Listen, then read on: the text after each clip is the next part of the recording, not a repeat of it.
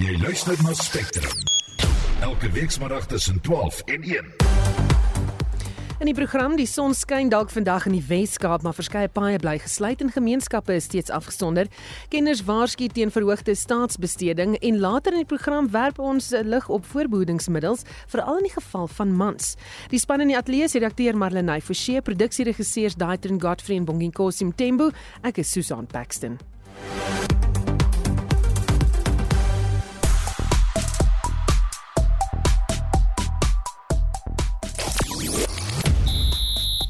Moet Eddie Jones as Wallaby afrigter aanbly of nie? En Suid-Afrika se Lloyd Harris deur na die eindstryd in die Beijing toernooi se kwalifikasiefase. Ek is Shaun Schuster vir RSG Sport. Op X-stroom huldeblyke onder die hitsmerk Zoleka Mandela in vir die kankeraktivis en kleindogter van Nelson Mandela. Sy's gister in die ouderdom van 43 dood aan kanker. Ons berig later hieroor. En op Instagram het gebruikers begin praat oor die Hollywood staking wat moontlik kan stop nadat die draaiboekskrywers in die FSA 'n voorlopige ooreenkoms met die ateljeebestuurders bereik het. Die staking duur al 5 maande en die produksie uh, van programme programme so Stranger Things en Last of Us is maar van die programme wat vervaardiging gestop het.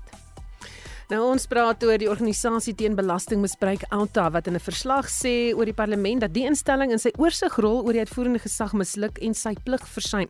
Dit omdat niemand nog suksesvol vervolg is wat by staatskaping betrek word nie.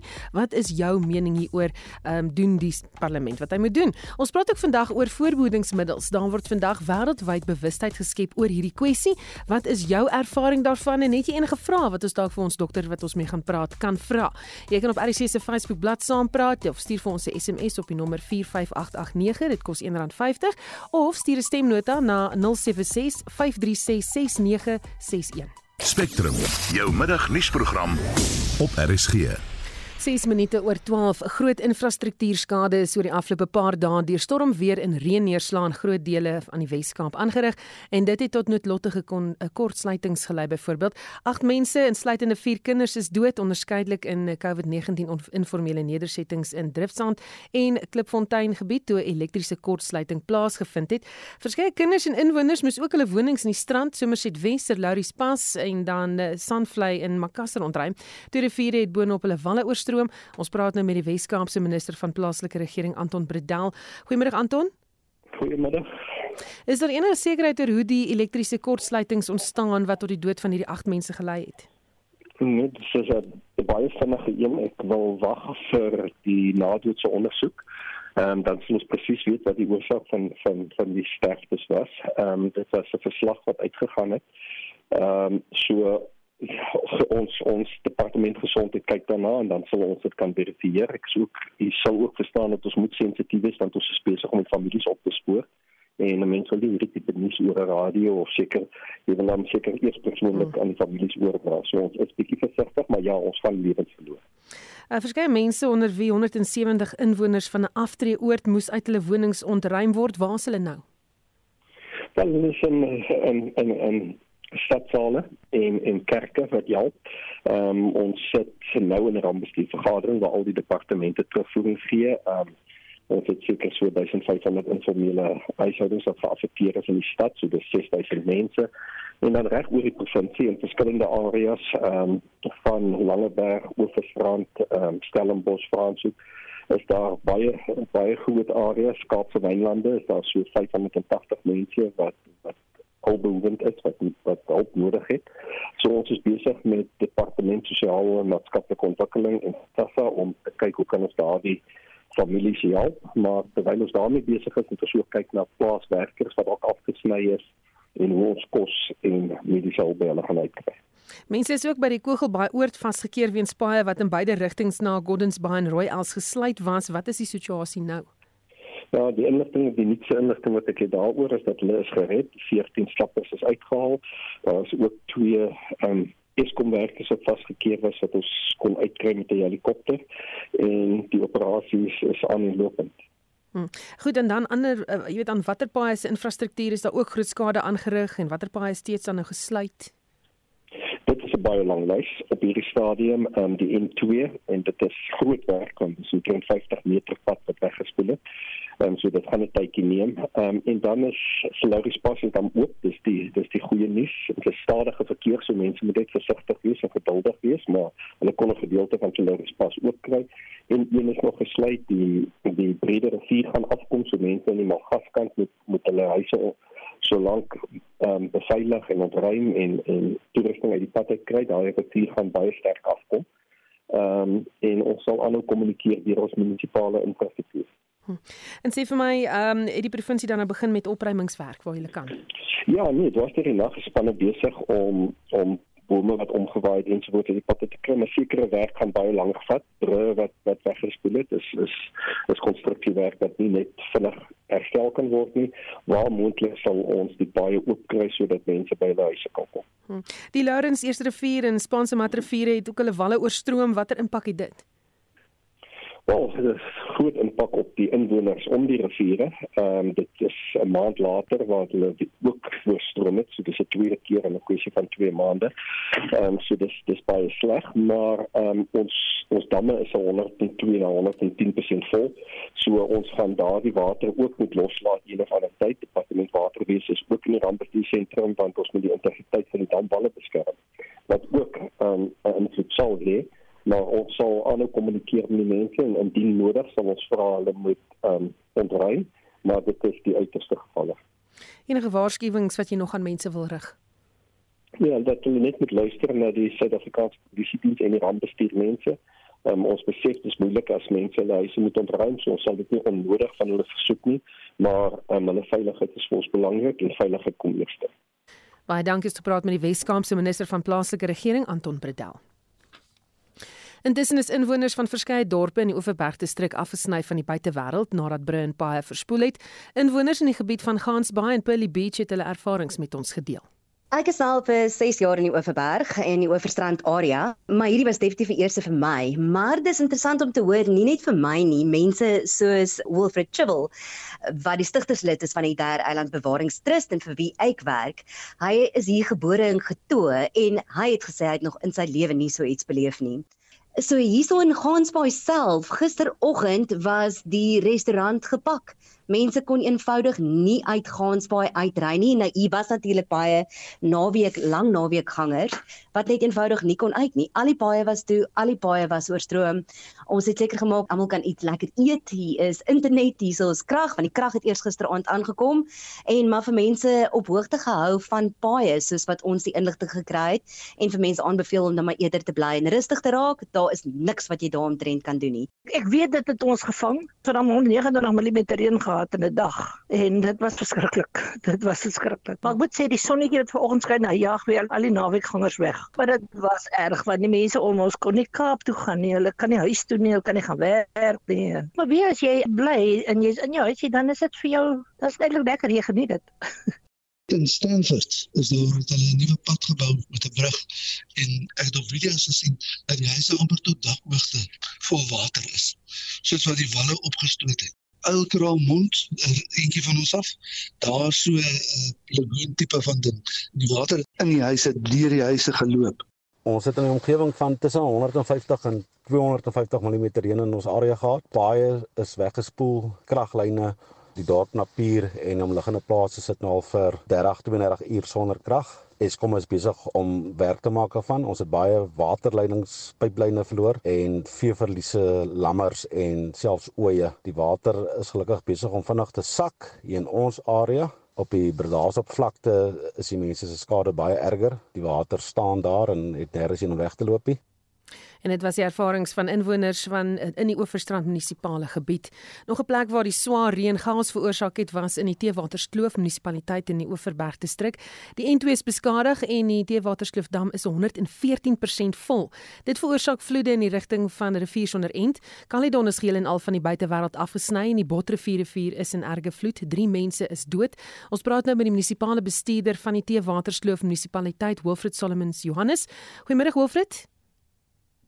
Goeiemiddag eh, Susan en vir die luisteraars. Sê vir my hoe groot is die skade nou? Die, skade is baie omvattend. Uh meestal die informele nedersettings het erg deur geloop, maar ons is al reeds opgeklaar daar. Die grootskaalse ontwrigting is waar paaie en brûe weggewaai het en meegesteer is deur die sterk waters en verskeie dorpe is afgesny van die buitewêreld en telekommunikasie uh is word belemmer en dan ook elektriese oorhoofse lyne was um beskadig vanweë die stormsterk winde en swaar reën. Hmm. Sê vir my kan jy beweeg um, of is jy ook afgesny? Ek is afgesny gister, toe was ek uh, vas uh, gekeer daar in Botrivier. Ek het alle toegangsroete oor die berge en plaaspaaie probeer, maar ons kon nie daar uitgekom het nie. Ek het weer my rigting terug Kaapstad toe gemaak want ons was so wat 5 ure sonder kommunikasie. Uh en ons uh, spanne is is afhanklik van ons um grondspanne wat die dorpe nou bestuur, maar um met die e-, eerste lig vanoggend het ons rampbestuur spanne begin met herstel en noooperasie werke wat hervat is na die 2 dae se grootskaalse oorstromings en wat skade aan ons infrastruktuur veroorsaak het. Die koue front het nou verbygesteek wat baie verbeterde toestande nou bring vir ons en vir ons rampbestuur en ingenieurspanne om hersteloperasies te versnel in die verskeie dorpe. Hmm. Waarmee het julle nou die meeste hulp nodig of waaraan gaan julle eerste aandag skenk? Ja, die uh, gemeenskap is nie so erg geraak wat huisvesting nodig het nie. Ons het so wat 100 mense gehuisves in Villiersdorp en in Grabouw. Uh en van die mense in Grabouw was ook dan ontruim uh met hulle bote deur die nooddienste, maar hulle is nou weer veilig terug na die water gesak het. Uh die grootste skade is waar ons hoofroetes ehm uh, verspoel is en waar die veral in 2 die brug daar um, is dan uh, weg uh, as gevolg van die storms sterk uh, water se deurgekom het en dan het ons ook ons water en rioolwerke se pipe wat uit die grond uit uh, gewas was deur die stormsterk waters. Sjoe. Sê vir my, um, is jy gereed as daar nog reën sou kom? Ja, ons daar die weer diens het dan ook voorspel later hierdie week is daar nog 'n koue front wat kom ons is op 'n gereedheidsgrondslag uh om seker te maak dat uh ons alle gebeurligheidsplanne in plek het. Uh daar was ook wel drie sterftes gewees. Een persoon in Villiersdorp en dan 'n man wat daar uh op 'n plaas in Vyeboom meegesleep was deur die uh deur die rivier en daar op daardie N2 Botterrivier wat 'n motorvoertuig in die rivier beland het. Gelukkig het een persoon uitgekom, maar die ander persoon was toe meegesleep en gesterf in daardie voorval. Baie dankie. Dit was die munisipale bestuurder van die Teewaterskloof munisipaliteit Wilfred Solomons Johannes wat vir ons daar 'n prentjie skep van wat aangaan. Gemeenskapslede van Swellendam het hulle harte en huise oopgemaak om mense wat die afgelope paar dae tydens die storm weer in die Weskaap ontwrig is te help. Inwoners van die dorp het hulle huise se deure oopgemaak vir mense wat nie meer plek in gastehuise kon kry nie en 'n kerk het sy deure oopgegooi om 'n tydelike skuilings te skep. Esie de Klerk het met een van die weldoeners in die dorp, Gerda Joren, gepraat. Swellendam self het nie eintlik skade gehad nie. Maar ons buitedorpe soos op pad per Daarstorp toe, Calydon toe, basies die N2 daai rigting en op 'n stadium selfs Woester Robertson was toe op 'n stadium. So baie mense van die brûe is weggespoel, paaie het maar ook seer gekry. So ons maar baie ander areas om ons wat meer deurgeloop het. En hoe het julle toe nou ingespring, Gerda?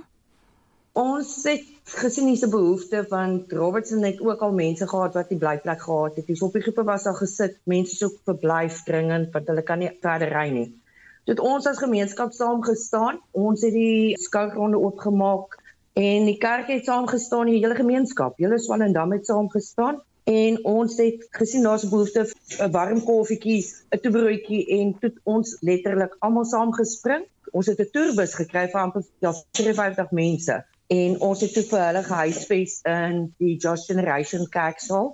Een van ons kliënte basies Patrick Adventures het kamp wat hulle doen. So hulle gaan slaan tente op met stretchers, beddegoed, alles klaar.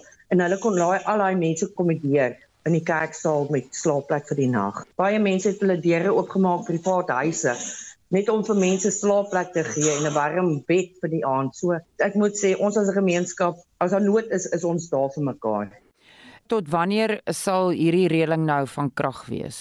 Die paaie is oopgestel vanaf Swellendam en twee het nog 'n bietjie probleme Caledon Botterrivier area in Bredasdorp. Sê die meeste mense gaan maar ongelukkig nou deur die N1 moet gewerk wat sal wees Swellendam, Ashton, Robertson Woester. Want daar's nog ander brûe en paaie wat nog toe is weens die skade wat daar teë gegaan het. En dit was Gerda Jurene inwoners van Swellendam en Essie de Klerk het met haar gepraat. Spectrum, jou middagnuusprogram op RSG. 21 minute oor 12 meer staatsbesteding lei nie noodwendig tot groter ekonomiese groei nie. Inteendeel, dit kan, kan tot 'n groter finansiële krisis lei. So waarsku Business Leadership South Africa of BUSA. Die voorsitter, Busi Mavusi sê in haar weeklikse nuusbrief dat meer staatsbesteding nêrens anders in die regering inslag vind as by die tesourier nie en waarsku dat dit tot 'n groter krisis gaan lei. Ons praat nou met die ekonom Richard Downing. Goeiemôre Richard. Goeiemôre Susan. Die alarms lei al harder wat betref ons finansies. Ja, ek dink ons praat staatsfinansies, maar dit gaan eintlik baie wyeer as net die staat in die gewone sin van die woord. Ons praat eintlik hier openbare sektor en dit is nou jou sentrale regering, jou provinsies, plaaslike owerhede, staatsondernemings, begrotingsfondse. 'n Klomp van hierdie staatsinstellings het eintlik ernstige probleme en ek meen ons ervaar dit hier in Pretoria selfs in terme van ons munisipaliteit en dit lyk net asof die begrip van daar is nie meer geld nog nie tuis gekom het nie. En soos jy reg sê dat dit alles te doen met ekonomiese groei. Want as staatsbesteding werklik gelei het tot groot ekonomiese groei, dan was Zimbabwe 'n baie suksesvolle land. Dan was Venezuela op die voorpunt van ontwikkeling. En dit wys vir ons net dat die staat eintlik nie in staat is om daai proses eintlik te lei nie, maar wat hy kan doen is om die proses te ondersteun sodat beleggers eintlik tevrede voel en uitkyk na die toekoms En wat ons hierso sien is eintlik nie net nou uh, business leadership self South Africa wat kla oor oor die begroting nie, maar tesorie wat in werklikheid met begrotingswerk sit nou met die realiteit. Ons is verby begrotings. Soos ook hier in Pretoria se stadsraad en ons sit met die realiteit van daar is nie meer geld nie. En, hmm. en hoe hanteer ons dit? En ek dink hierdie strukturele probleme kom 'n baie lank pad in die staat en ons sal ernstige aandag daaraan moet gee. Hm. Sy sê dis net tesorie wat lyk dit vir my hieroor bekommerd is. Wat dan van die res? Ja, maar dis jy's die punt. Jy sien uh almal wil dink dis nou tesorie en tesorie is, is eintlik maar die wagon. Hy hy moet op die uiteinde begrotings maak top. Hy moet eintlik maar toegee aan salarisverhogings wat nie bekostigbaar is nie en ek dink wat ons nou sien op die oomblik is ook hierdie probleem en dan soos jy reg sê ekonomiese groei wat hier in die omgewing van 'n half persent is uh wat ook veroorsaak dat daar nie belastinginkomste is nie. So die fout is tweeledig. Nou is daar 'n redenasie ja, ons kan geld leen. Ons het al in die verlede baie geleen. En wat ons doen met die geleende geld is, ons skep nie noodwendig bates in die ekonomie nie. Maar ons gebruik dit om dalk salarisverhogings te gee of om funksies te hou of om standbeelde op te sit wat nie noodwendig ekonomiese positiewe gevolge het nie. En ek dink ons pluk nou die vrugte daarvan. So dan sal ernstig moet besin word oor waarmee ons besig is.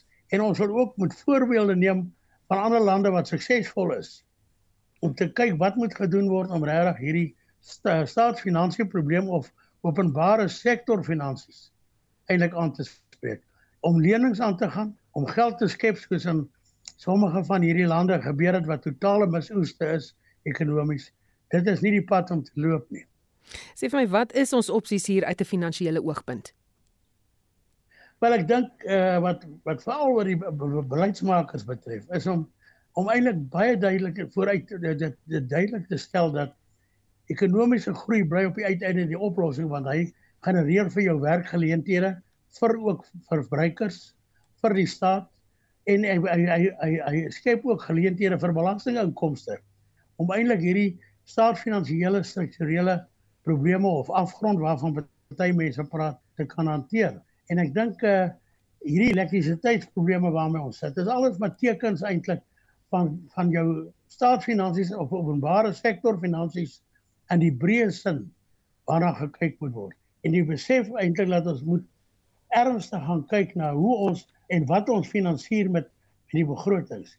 Want die staat het 'n belangrike rol dat ons nie daai fout maak nie in terme van om om die, die ekonomie in staat te stel om te groei. En as hy nie daai funksie kan ordentlik vervul nie, dan sit ons op die uiteinde met 'n situasie waarmee ons nou te doen het. Baie dankie, dit was die ekonom Richard Downing. Die Parlement se portefeulje komitee oor basiese onderwys het vandag die veranderinge aan die wysigingswetsontwerp op basiese onderwys finaal goedgekeur. Wynand Boshoff, die Vryheidsfront Plus se hoofwoordvoerder vir basiese onderwys en 'n lid van die komitee, het aan Marlenae Forsie gesê goeie argumente het daartoe gelei dat die wetsontwerp heelwat beter lyk daar is al soveel wysigings op die wysigingswetsontwerp. 'n Mens kan dit amper nie tel nie. Die finale probleem waaroor die groot omstredenheid gegaan het is die gesag van die hoof van die provinsiale onderwysdepartement teenoor die skoolbeheerliggaam wat toelatings en taalbeleid betref en daar's geen duim geskuif nie. Die uh, departementshoof hou die finale gesag en kan die besluit neem om 'n skool se beleid in daai opsigte te wysig en daaroor is daar nie 'n kompromis aangegaan deur die uh, departement of deur die ANC as regerende party nie. Dit was 'n lang pad tot hier, maar Boshoff sê dis nie die einde nie. Mense het tot hier gekom en probeer om elke moontlike manier te gebruik om die wetsontwerp te verbeter en om gemeenskappe se gesag oor hulle eie onderwys te beskerm. Die ANC en die EFF is verbind tot die hele gedagte van 'n staatsgesentreerde onderwysstelsel en is baie duidelik dat hulle die gemeenskapsgesentreerde onderwysstelsel wat ons met die 1996 wet gekry het as 'n toegewing beskou waarvan hulle nie gehou het nie en hulle probeer dit nou verander en hulle is openlik daaroor en hulle het tans die getalle om dit te doen. Die enigste teenvoeter daarvoor is eintlik dat hierdie wet nie moet deurgaan voor die volgende verkiesing nie en na die volgende verkiesing moet die uh, samestelling van die parlement anders lyk. Die wetsontwerp gaan nou draai in die nasionale vergadering. Daar het die ANC natuurlik ook sy meerderheid.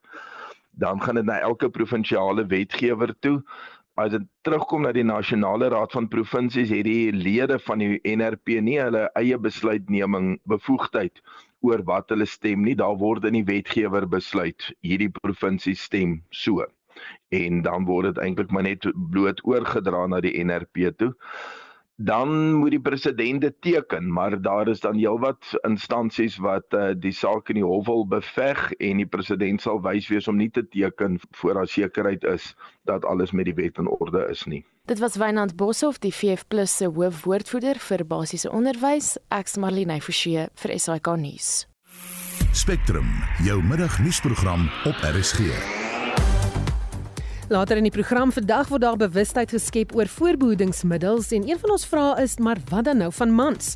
En ons werp die kollig op Zoleka Mandela se nalatenskap na 10 jaar lange stryd teen kanker.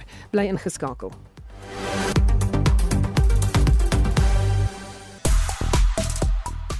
So ons praat vandag oor die parlement en of hy nog sy rol vervul. Dit natuurlik na die belasting of die, die organisasie teen belastingmisbruik Alta sê dat die parlement uh, nie nie enigstens sy toesigrol doen nie en heeltemal misluk daaraan.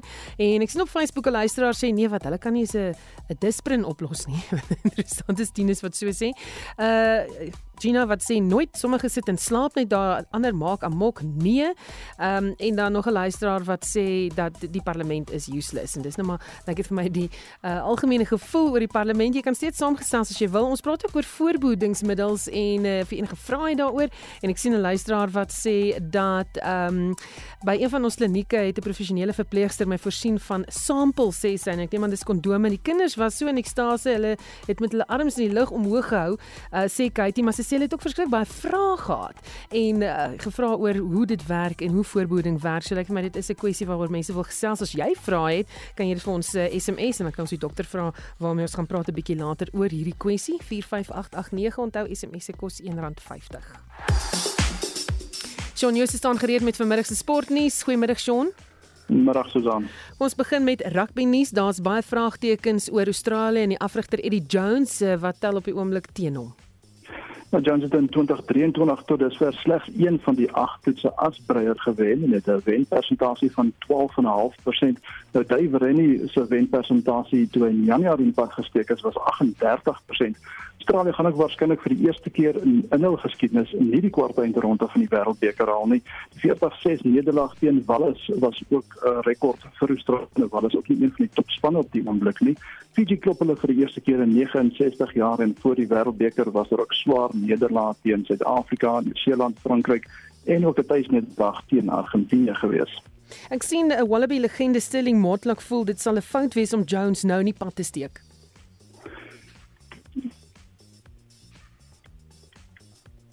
Sean, is jy daar? Hi, ek is nou terug ja. Goed, jy kan vir my uh, het jy my gehoor die vraag oor die Sterling Motlop? Uh, nee, ek het ongelukkig nie gehoor nie. Ah, oh, sê vir my Sterling Motlop sê dit gaan 'n fout wees om Jones nou in die pad te steek.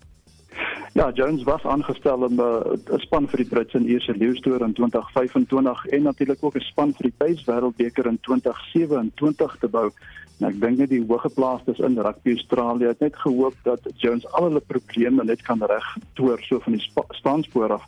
Maar uh, ons weet resultate in sport is baie belangrik en publieke opinie selfs meer en ongelukkig tel nie een van die twee op die oomblik in Jones se guns nie. Hmm. Dan Suid-Afrika se voorste mans tennisspeler is nog nie terug op sy beste vorm nie, maar vorder goed in die Beijing toernooi se kwalifikasiefase.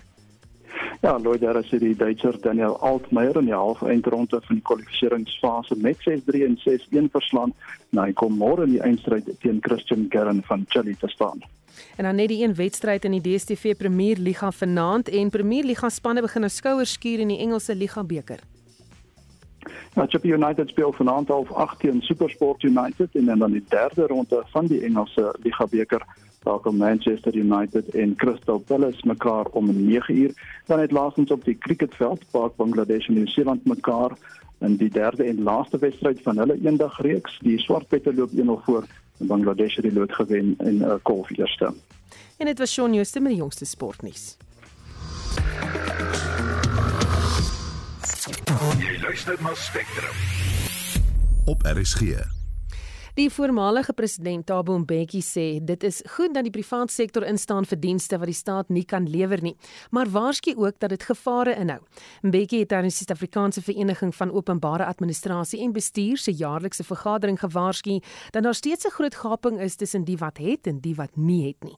Volgens hom gaan die mees behoeftigste lede van die samelewing aan die koste intrek indien die private sektor meer dienste begin lewer. Ons praat nou met die rektor van die Universiteit Vryheid, professor Francis Petersen. Goeiemôre Goeiemôre Francis. Goeiemôre Susan. Wat dink jy van die stelling? Ja, ek dink ek dink in die eerste plek is is uh um, is dit belangrik dat uh persone wat vir die staat werk dat hulle veronderstel is om die werk wat hulle moet doen effektief doen. Uh um en dat die private sektor as hulle nie kry wat hulle veronderstel is om te kry nie, gaan hulle probeer doen wat die persone wat nie aflewer van die staat uh uh veronderstel is om te doen nie. So so ek dink die stelling in 'n sekere mate is waar want as as jy as die private sektor die kapasiteit van die staat nou probeer vervang dan uh, uh is daar twee dinge wat gebeur. Die staatspersoon kan maar net voortgaan en sê maar luister ek hoef nie te doen wat ek veronderstel is om te doen nie. Uh uh want iemand anders gaan die werk optel. En die tweede plek is daar is sekere goed wat beleidsgedrewe is, sekere goed wat 'n uh, 'n 'n beskikbare omgewing moet skep wat die staat moet aflewer. En as die as die private sektor in daai spasie begin te speel, dan uh, kan jy 'n uh, 'n uh, 'n uh, speler en jy kan jy kan skeielik 'n speler wees op dieselfde tyd. So uh, dis hoekom ek sê die die die stelling wat die die die voormalige president maak is dit kan gedeeltelik waar wees. Hmm. Maar hoe gemaak as die staat dan nou nie die mas opkom nie? Wel, ek sou sê dat as die staat nie die mag 'n uh, 'n uh, uh, mas opkom nie, dan moet 'n mens kyk na is daar seker goed wat jy saam met die staat kan doen. Uh nie noodwendig die staat se funksie vervang nie. Uh dit natuurlik uh um uh, benodig 'n openlikheid van die staat om te sê maar luister, uh, kom ons kyk na samewerking tussen die private sektor en die staat. 'n Goeie voorbeeld wat ek kan maak is as jy 'n mynoperasie het in die noorde van die land en jy het nie noodwendig die tegniese kennis in die betrokke provinsie om sekere planne uh, te ontwikkel of af te teken nie, dan kan daar van die private sektor kan daardie 'n uh, 'n uh, 'n vaardigheid gegee word uh as 'n leenbasis uh soort van aan die aan daai betrokke provinsiale administrasie om daai kapasiteit te vervang maar ook saamwerk om daai kapasiteit op te bou. So dit moenie net blote vervanging wees nie. Dit moet 'n samewerking wees met die doel dat die staats die persoon wat vir die staatsorganisasie werk, wel daardie spesifieke ehm uh, uh uh um uh, uh taak kan verrig oor 'n tydperk. Uh en dis vir my belangrik. Nie net bloot vervanging nie, maar ten minste samewerking om uh, vaardighede op te bou. Mm, ek weet nou vrou, hoe keer mense dat die arme is nie aan die kortste en trek soos wat 'n bekkie waarsku nie. Ja, uh, natuurlik as die armes uh, die armes trek aan die kortste end is is is is is is die feit dat die staatspersone nie noodwendig altyd die etiese uh, etiek het of die vaardighede het om af te kan lewer nie. En indien ons uh um, nie dit help ontwikkel nie, dan gaan dit nooit gebeur nie. So ek dink aan die een kant verstaan ek, daar is 'n onmiddellike aksie wat ons wil sien uh, en ons wil vaardighede in die staat kry en hoe kry ons dit? En die tweede plek is uh, hoe kan ons die staatspersone, maar dan moet die die belangrike uh, kondisie daar Susan is dan moet die staat bereid wees om daai samewerking te kan wil doen en uh uh die die die die oordrag van vaardighede en ondersteuning van vaardighede vanaf die bedryf vanaf die privaat sektor dit te kan aanvaar.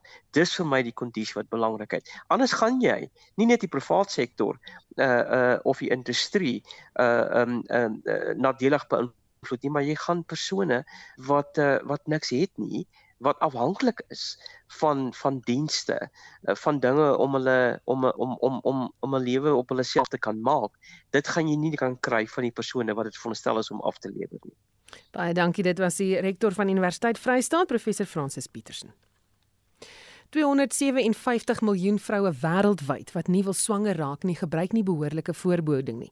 Die Verenigde Nasies sê die redes hiervoor sluit in dat baie vroue bang is vir die neeweffekte van die produkte en die stigma verbonde aan die gebruik van voorbehoeding. Vandag is wêreldvoorbehoedingsdag en selfs hier in Suid-Afrika is daar baie stigma en miskonsepsies verbonde aan die gebruik van voorbehoeding. Ons praat nou met die voorsitter van die Suid-Afrikaanse Mediese Vereniging, eh, Dr. Angelique Kutse, hy's eintlik nog daar by Solidariteit. Goeiemôre Angelique. Goeiemiddag, ehm um, Susan en 'n goeiemiddag aan al die luisteraars daar buite. Hoe belangrik is die gebruik van voorbehoeding? Dit is eintlik baie belangrik.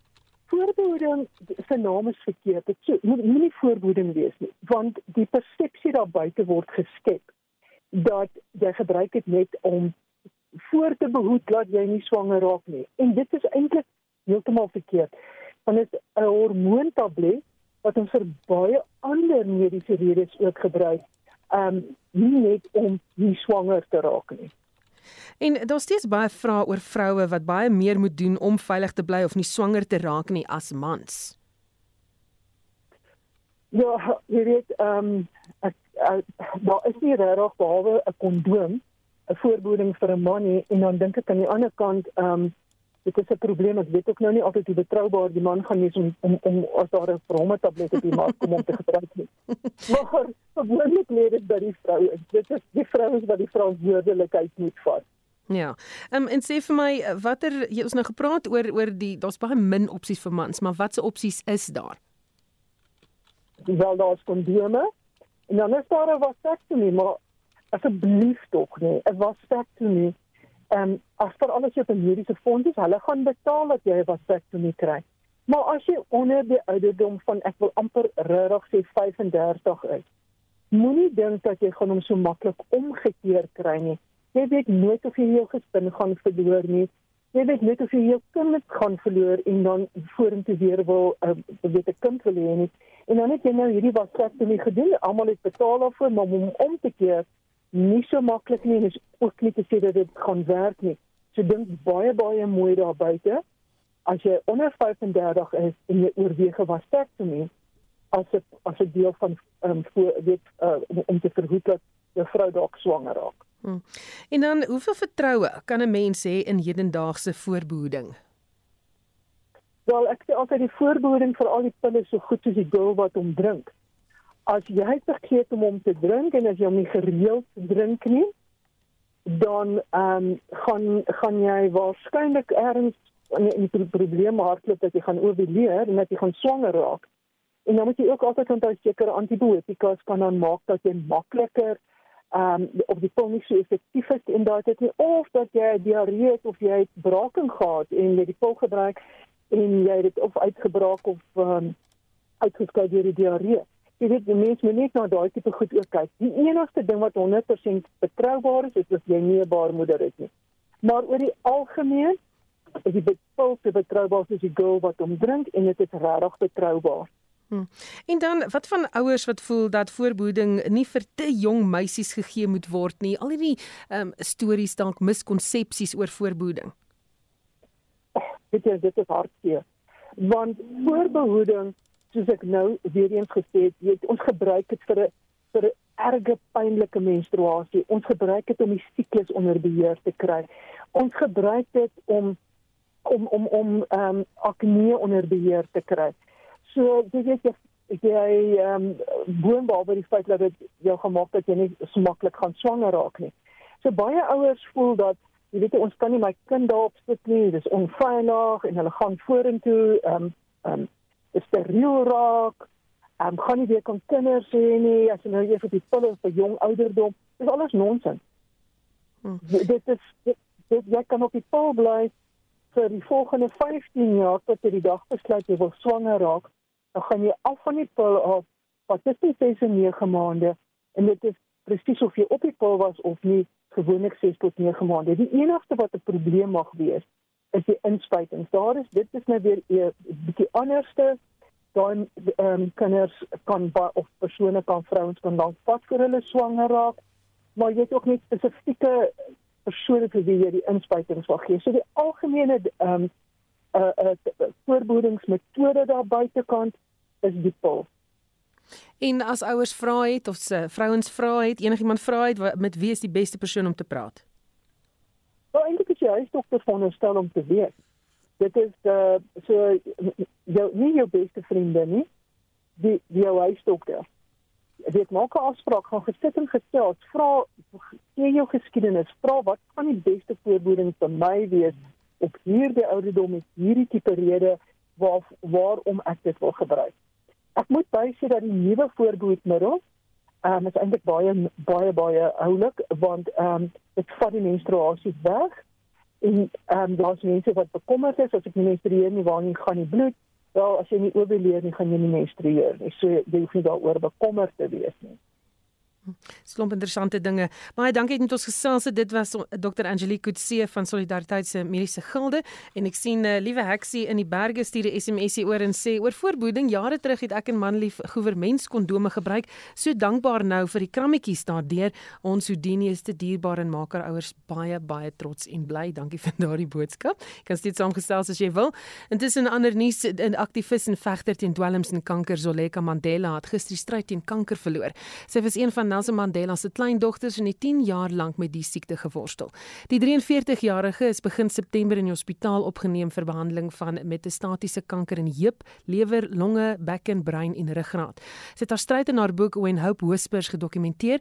Vir meer oor haar nalatenskap en aktivisme in die verband praat ons nou met die Kankeralliansie se direkteur Salomi Meyer. Goeiemôre Salomi.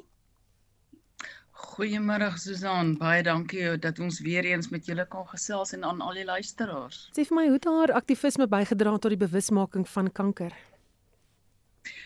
Eerstens wil ons net namens al die lede van die Kankeralliansie aan die Mandela familie sê ons innige meegevoel met die afsterwe van van Zoleka. En jy weet wat haar haar afsterwe net weer 'n keer dink ek aan almal ehm um, sê is is dat daar is 'n tyd om te kom, daar is 'n tyd om te gaan.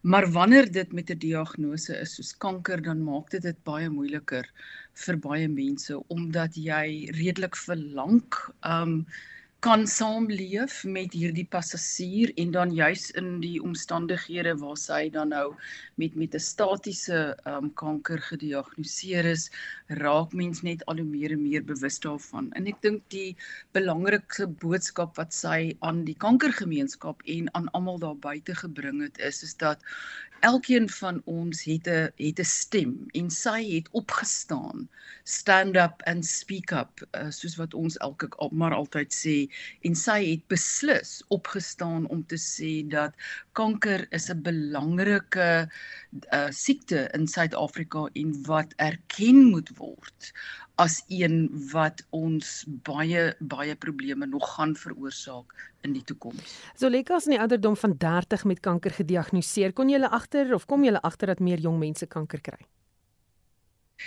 Dis nogal 'n baie interessante gesprek daardie omdat daar wel 'n uh, aanduiding is dat die ouderdomsgaping baie minder raak want aanvanklik het ons altyd gesê dit is 'n 'n 'n siekte wat net ouer mense raak en nou kan ons sien dat daar baie meer jonger mense is Ek dink dit gaan baie keer gepaard met die kwessie dat baie meer jong mense is bewus van van kanker en daarom gaan hulle ook vir die geleenthede om wanneer daar iets fout is, jy weet, um, dan gaan hulle.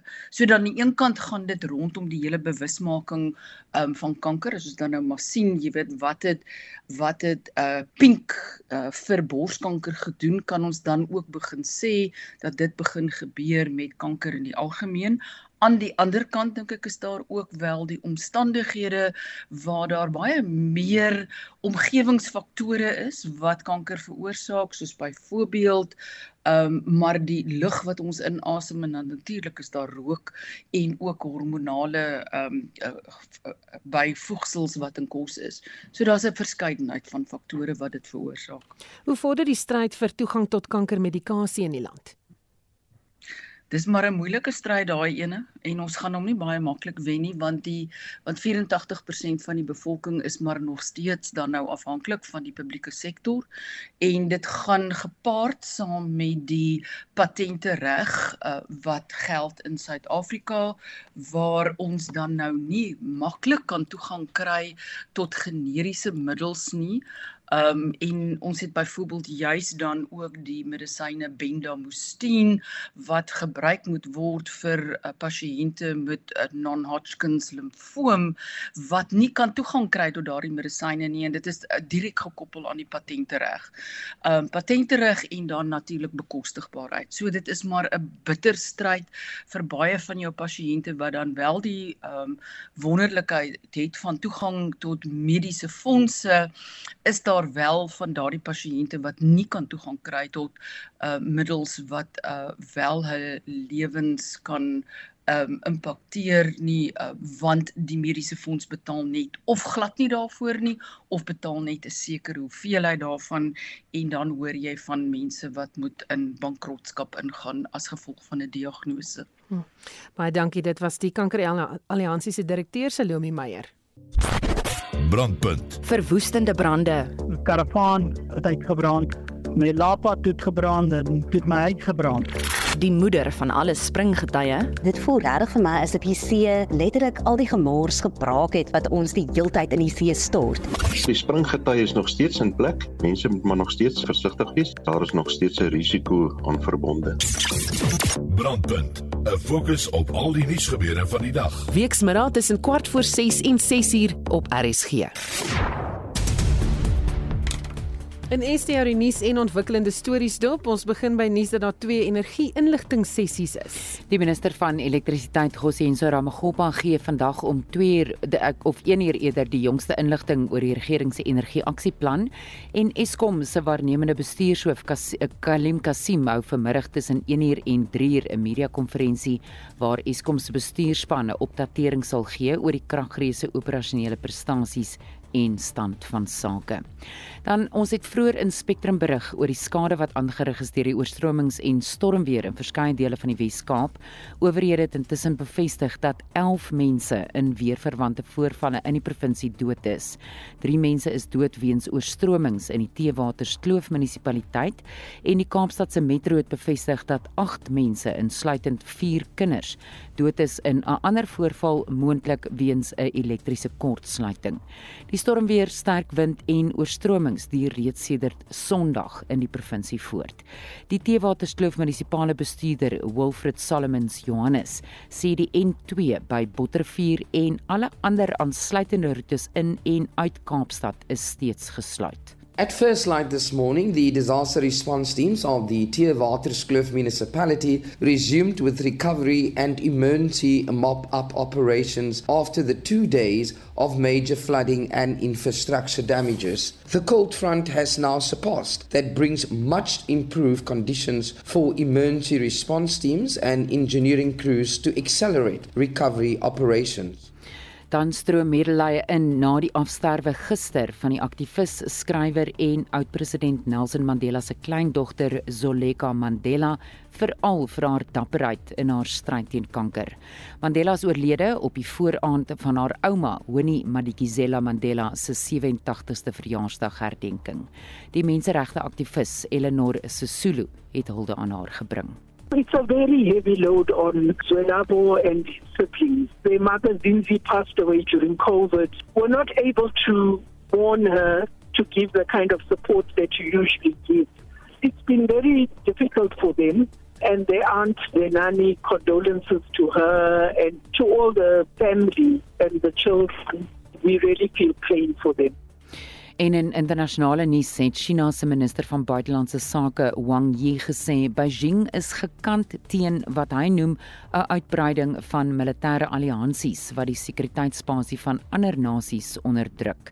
Die BBC se Michael Bristow berig. Wang Yi didn't mention any country by name, but China's neighbours, South Korea and Japan, have this year strengthened their security alliance with the United States. The three nations have identified China as a threat. Perhaps because of this, Beijing is trying to improve its relations with Seoul and Tokyo. At around the time Mr. Wang was speaking, officials from South Korea, Japan, and China were meeting in Seoul. The three countries agreed to organise a summit of their leaders, a once frequent event that's not been held for four years. En dit was die BBC se Michael Bristow. Skakel ek in vir brandpunt om kwart voor 6 vanmiddag vir 'n oorsig van jou dag se nuus. En dit was Essie met 'n oorsig van vandag se nuus en ontwikkelende stories in die afgelope uur. Ons groet namens ons uitvoerende regisseur Nicoline de Wee, ons redakteur vandag is Marlenae Forsie, ons produksieregisseurs Daitron Godfrey en Bongie Kosim Tembu. My naam is Susan Paxton. Geniet die res van jou middag in die geselskap van Gee.